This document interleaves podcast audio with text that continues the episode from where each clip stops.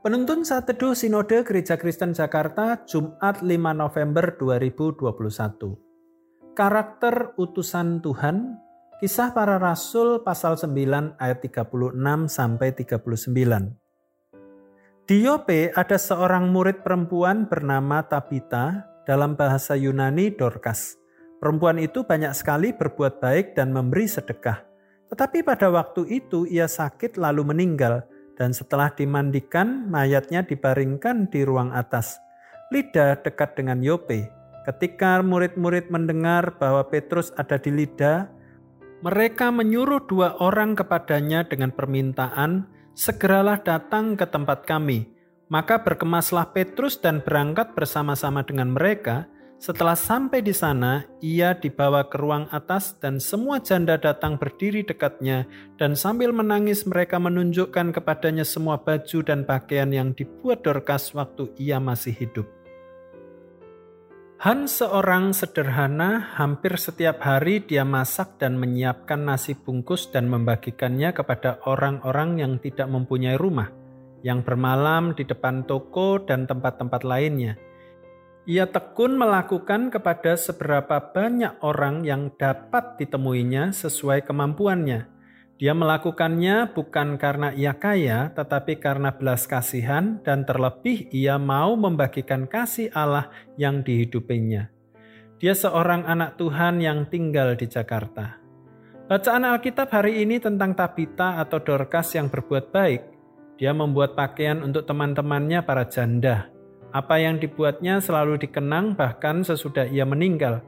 Perbuatannya dilakukan dengan hati yang tulus, penuh kasih dan perhatian kepada sesamanya. Ia lakukan secara sederhana apa yang dapat dilakukannya.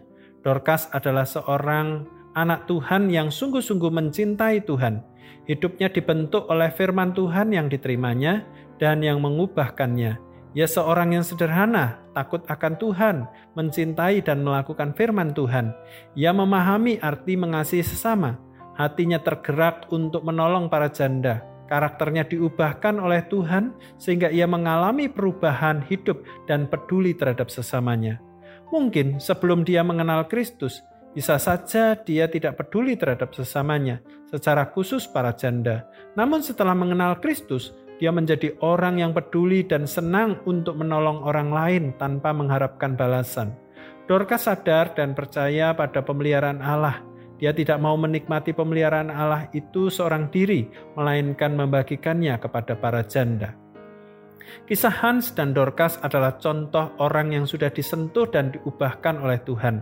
Karakternya diubahkan menjadi karakter yang baik untuk melayani sesamanya melalui perbuatan baik yang didasari oleh iman di dalam Tuhan Yesus.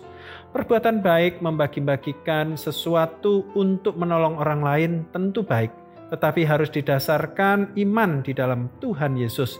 Sebab tanpa iman kita tidak berkenan kepada Allah. Inilah keistimewaan orang percaya.